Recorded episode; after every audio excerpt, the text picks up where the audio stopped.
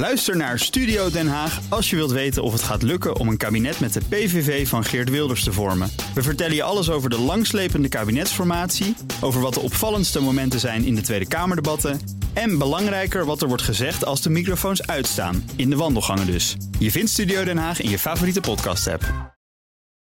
Dit is een podcast van BNR Nieuwsradio.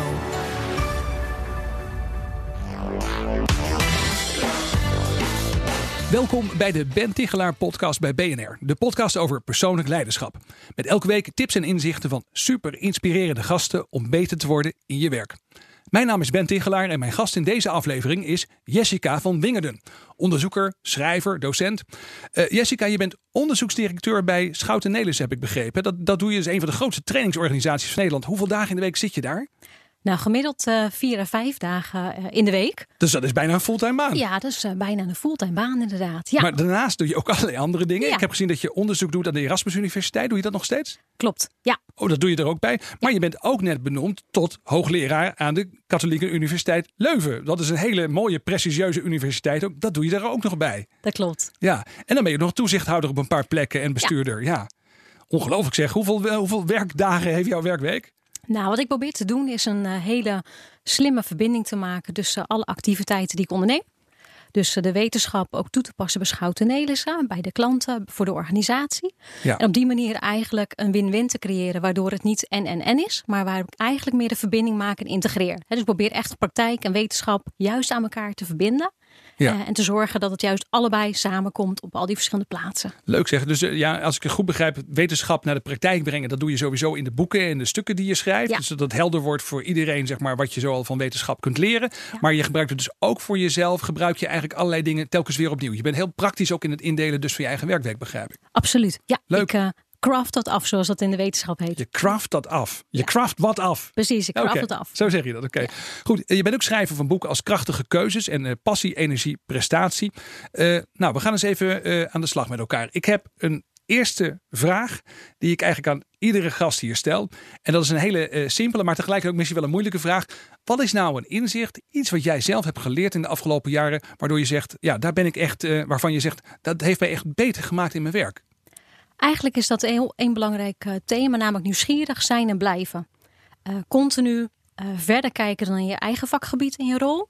In andere keukens meekijken. Ja. En eigenlijk ook wel gewoon je vizier openzetten en nieuwsgierig zijn naar wat er nog meer is dan in mijn geval HR, strategisch ontwikkelen en organisaties alleen. Oké, okay, dus nieuwsgierig zijn. Maar je ja. zou kunnen zeggen, nieuwsgierig zijn, dat kan dus allerlei vormen aannemen. Ja. En, en wat voor vorm neemt het dan bij jou aan? Wat doe je dan concreet als je nieuwsgierig doet? Voor mij betekent het concreet dat ik bijvoorbeeld inderdaad een, een baan als een bestuurder, directeur combineer met toezichthoudende rollen. Waardoor ik bij anderen in de keuken mag kijken, dingen mag brengen, maar ook veel mag leren. Ja. Uh, dus dat is een concreet voorbeeld. Maar ook het onderzoeken, mensen interviewen, boeken schrijven. Daar leer ik heel veel uh, van. Maar juist door de ontmoetingen met anderen. En dan ben ik oprecht nieuwsgierig wat anderen beweegt en drijft om te werken bijvoorbeeld. Of ja. uh, hoe zij van de passie en energie het verschil willen maken voor een ander. Dus je hebt eigenlijk, eigenlijk geregeld dat je op allerlei plekken mag komen kijken en meeluisteren. En allerlei vragen gewoon mag, steeds mag Juist. blijven stellen. Juist, ja. dat is de kracht denk ik van de vraag. Ja. Um, door vragen te stellen dat je ook zelf leert. En ook eigenlijk wel weer jezelf weer prikkelt om na te denken. Oké, okay, als ik dat dan hoor, wat betekent dat nu voor mezelf? Wat betekent dat nu voor anderen? En kun je vanuit de inzichten anderen ook weer helpen om beter of sterker te worden. Ja, dat is eigenlijk wel een leuke les dus eigenlijk voor luisteraars ook van deze podcast. Je moet eigenlijk zorgen dat je op plekken komt waar je vragen mag blijven stellen. En dat je niet alleen maar wordt gevraagd om voortdurend mee te denken en alleen maar te spuien als het ware. Absoluut. Ja. Ik denk nieuwsgierig zijn en die vraag stellen is belangrijker dan alleen maar vertellen. Leuk, mooi zeg. Hey, um, in jouw werk ligt je focus erg uh, de laatste jaren op uh, hoe je als professional bevlogen en uh, energiek kunt blijven in je werk. Kun je er een paar dingen over uitleggen? Wat zijn nou wat inzichten, wat ideeën waar je zo ja, op uitgekomen bent in de afgelopen jaren waarvan je zegt dat, dat, dat wil ik graag de wereld meegeven? Nou, ik heb veel wetenschappelijk onderzoek gedaan naar bevlogenheid. Wat maakt dat mensen bevlogen zijn en blijven en wat niet. En ook wat kun je als organisatie dan doen, maar wat kun je ook zelf oppakken. Een hele belangrijke startpunt is de vraag. Um, Doe jij werk of doe je activiteiten, vrijwilligerswerk, waar je talent en passies echt in kwijt kunt? Oké. Okay. Dat is een startpunt. Dus doe je eigenlijk iets waar je bij past. Want dat is ja. wel een randvoorwaarde om bevlogen te kunnen worden. Een hele belangrijke daarbij is echt de vraag regelmatig stellen: maak ik nou eigenlijk echt het verschil? Oké. Okay. Ben ik betekenisvol voor anderen? Uh, en zo ja, hoe weet ik dat dan? Oké, maar dat is, wel, dat is wel een hele grote vraag voor veel mensen. Ja. Hè? Want ik bedoel, die vraag die je nou stelt, eh, als je bijvoorbeeld met studenten spreekt, is dat Ja. echt een van de dingen waar ze tegenaan lopen en waar ze het ontzettend moeilijk van vinden om er een antwoord op te verzinnen. Absoluut. En het is ook geen makkelijke vraag, maar wel een noodzakelijke vraag. Om als je bevlogeld zijn in je werk, moet je ook begrijpen hoe eh, jouw handelen dagdagelijks en dingen die je doet van betekenis is voor anderen. En dat kan Ja. heel klein zijn of heel groot zijn. Kun je een voorbeeld geven, bijvoorbeeld in je eigen werk of misschien eh, eh, waar je recent als toezichthouder of als onderzoeker mee bent geconfronteerd, waar je zegt, nou dat is nou een mooi voorbeeld van hoe mensen van betekenis kunnen zijn in hun werk. Dat, eh, de traditionele manier waarop we kijken, denken we gelijk aan onderwijs en zorg. Ja, dus je geeft onderwijs, je bent betekenisvol omdat je kinderen helpt te ontwikkelen en te groeien. ja, Hetzelfde bijvoorbeeld in de ouderenzorg. Als jij met veel liefde en betrokkenheid zeg maar, voor de ouderen wil zorgen en wil zorgen dat zij mee kunnen blijven doen binnen hun eigen kunnen.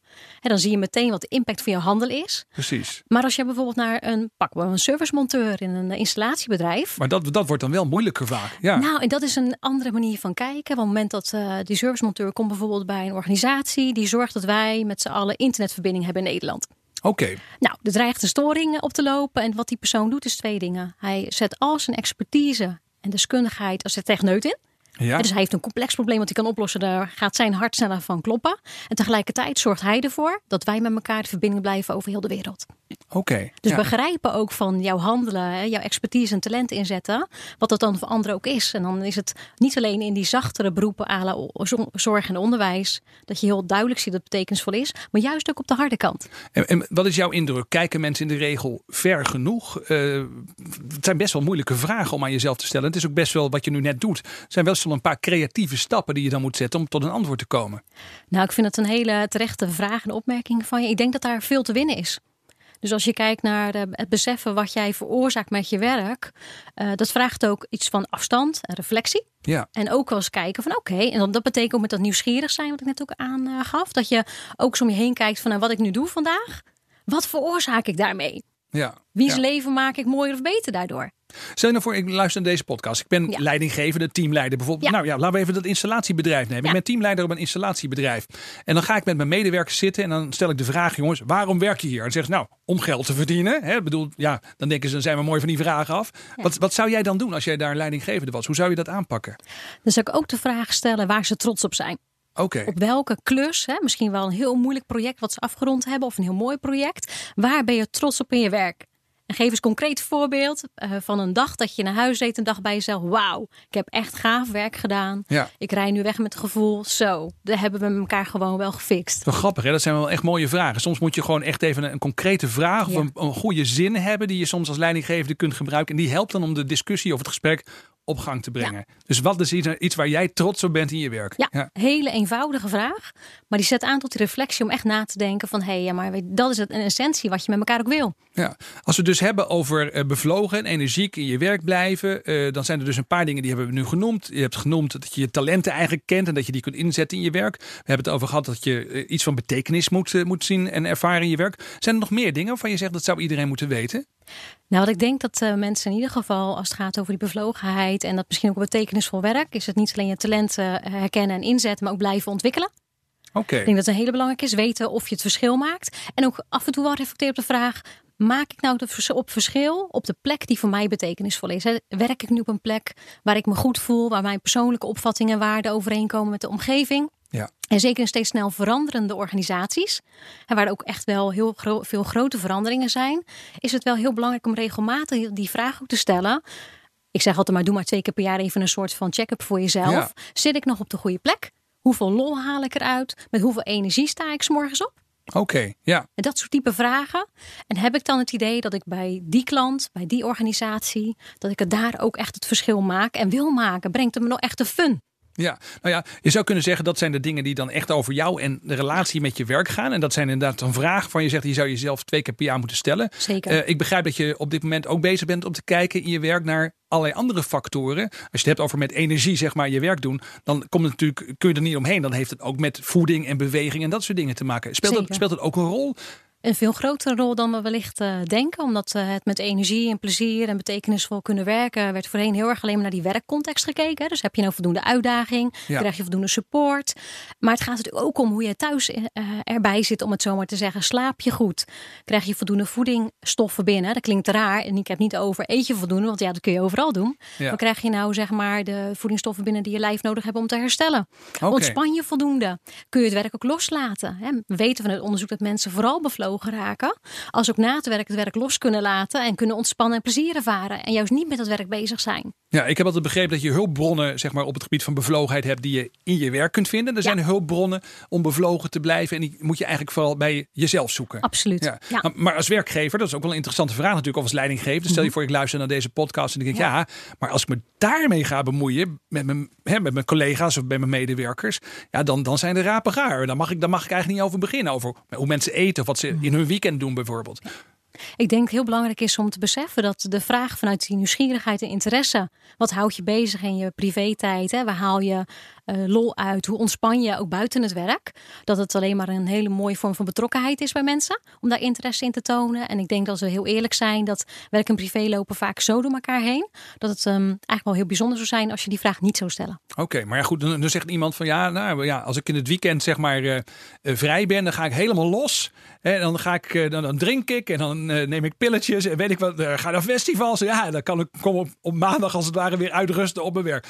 Stel je voor dat je dat soort dingen hoort. Of je ziet dat iemand echt enorm overgewicht heeft. Want mensen, mensen roken veel te veel. En je ziet gewoon van dat gaat ten koste van hun energie. Mm ze, ze hebben geen fut meer. De, de, de lol is er ook echt af. Gewoon omdat ze zich slecht voelen door wat ze thuis doen. Mag ik me daarmee bemoeien? Uh, zeker. En ik denk dat je als uh, goed werkgever zelfs de plicht hebt om het bespreekbaar te mensen, met mensen te maken. Okay. En met hen ook te vragen, het gesprek aan te gaan. Uh, met hen ook te, het gesprek te voeren over van nou wat kunnen we samen? Kan ik je ondersteunen als werkgever om een goede balans te vinden? En dan kijken we niet alleen naar de, wat je op je werk doet, maar ook hoe privé gaat. En ik ken organisaties die mensen actief, en best wel veel, en steeds meer grote corpus bieden mensen gewoon letterlijk een training van stoppen met roken aan, wie er gebruik van wil maken. Of hebben sporten en een diëtisten beschikbaar. Ja. Of zoeken heel bewust naar mogelijkheden om gezondere voeding bijvoorbeeld aan te bieden in de bedrijfskantine. Ja, hoe, hoe voorkom je nou dat dat niet als een trucje wordt gezien om jou alleen maar nog productiever te maken? Nou, ik denk dat dat uh, voor sommige organisaties eerlijk gezegd ook wel zo gezien wordt. Van kan ik het maximale eruit halen? En voor mezelf ben ik over de jaren ook, heen ook steeds meer geïnteresseerd geraakt in betekenisvol werk in plaats van alleen maar bevlogenheid. Ja. Maar bevlogenheid heeft heel erg de focus op meer productie, meer performance en meer opbrengsten voor de werkgever. Ja. De betekenisgeving gaat verder dan dat. En uh, betekenisgeving zorgt er ook voor dat een beter balans is tussen werk en privé. Okay. Dus ik denk als ik heel eerlijk ben, dat het ook wel wat meer focus op die andere kant mag zijn. En want er zijn organisaties die bevlogenheid ook als een kans zien inderdaad tot, tot echt productiemaximalisatie, om het zo okay. maar te zeggen. Ja, dus je hebt meerdere factoren die dus, hè, daar hebben we nu over gehad, meerdere factoren, maar die betekenisfactor, daarvan zeg jij, dat is eigenlijk wel waar je misschien mee zou moeten beginnen zelf? Zeker, ja? zeker. Okay. En, en een van onze laatste onderzoeken hebben we ook gewoon gevonden dat mensen die hun werk en leven als betekenisvol ervaren, uh, meer bevlogen raken in hun werk en beter uh, bestand zijn tegen eigenlijk werkstress en werkdruk okay. en lagere scores laten zien bijvoorbeeld op burn-out risico. Okay, en die dingen samen die leiden dan tot meer geluk en welzijn in het leven in het geheel buiten het werk ook. Oké, okay. nou nog even één, één, als het mag, kritische vraag ja, dan daarover. Um, want je hoort ook wel eens dat mensen zo, zo ontzettend gegrepen zijn door het doel van hun werk. Dat ja. ze zo, ja, zulk mooi werk doen waarmee ze andere mensen helpen. Dat ze niet meer letten op hun eigen welbevinden. Dat is, een, uh, dat is dus dat mooie voorbeeld van wat een risico van bevlogenheid is. Dat zit hem daar dat je zo opgaat hetgeen wat je doet, dat je niet meer voor jezelf uh, zorgt. En als we zien de mensen die echt bevlogen blijven over de tijd, zijn het juist die mensen die op tijd afstand nemen, okay. herstellen en juist zorgen dat ze de eigen accu weer opladen. Hè, in de plaats van ze alleen maar blijven rennen. Dus het zijn niet die mensen die um, 10 tot 14 uur op een dag werken. Dag okay. in dag uit. Het zijn juist de mensen die op tijd zeggen: hé, hey, er is werk. Maar hey, gelukkig biedt het leven veel meer dan werk. Namelijk ook sociale relaties, vrienden, sport. Misschien wel hobby's, andere dingen die het leven nog wel meer de moeite waard maken dan alleen maar arbeid. Ja, precies. Dus het gaat eigenlijk ook het gesprek ook natuurlijk, maar ook jouw werk gaat veel meer over het leven als geheel dan ook Juist, dan klopt. alleen maar over werk. Ja, Eens. Ja. Ja. Is, dat een, is dat een hardnekkige mythe, zeg maar? Dat mensen bij dit type onderzoek al gauw denken van nou, het gaat alleen maar over de werkkant. Dit, Zeker, ja, ja. Dus een van de mythes is dat mensen denken van, nou, ah, het zijn een paar dingen die interessant zijn. We denken van, nou, het gaat alleen over werk. En dus ja. hoef je alleen maar te focussen op die uh, werkomgeving. Uh, dus als ik alleen maar kijk naar die voorwaarden op die baan, heb ik het voor elkaar. En voor de rest hoef ik niet zoveel naar mezelf te kijken. Dus dat is een van de mythes.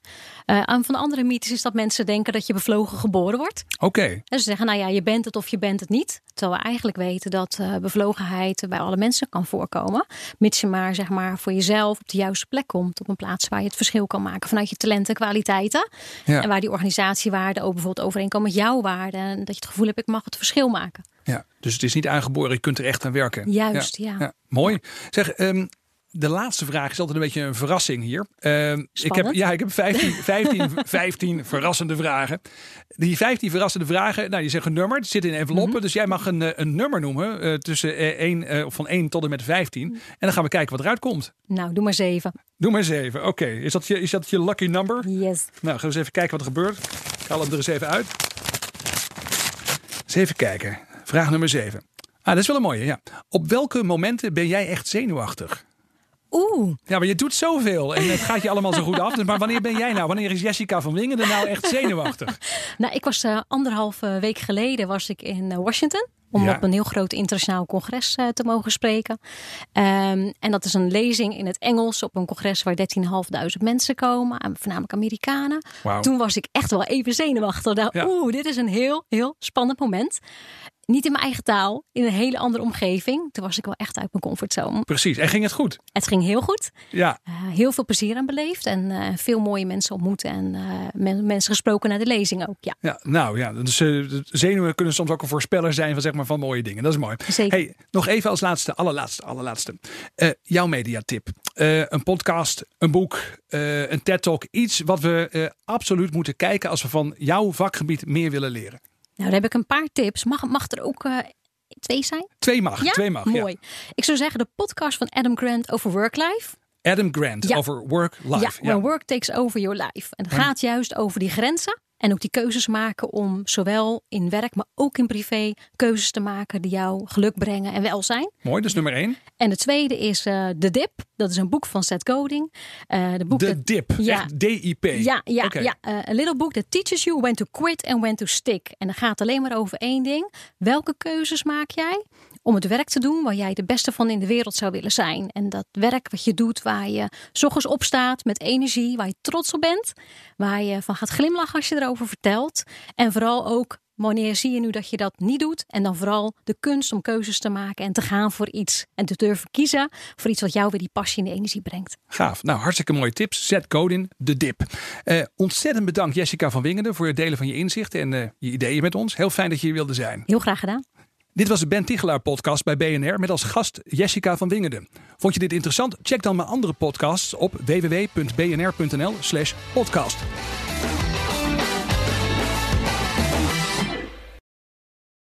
Ook Thomas van Zeil vind je in de BNR-app. Je kunt live naar mij luisteren in Zaken doen. De BNR-app met breaking news, het laatste zakelijke nieuws... en je vindt er alle BNR-podcasts, bijvoorbeeld Het Nieuwe Geld. Download nu de gratis BNR-app en blijf scherp.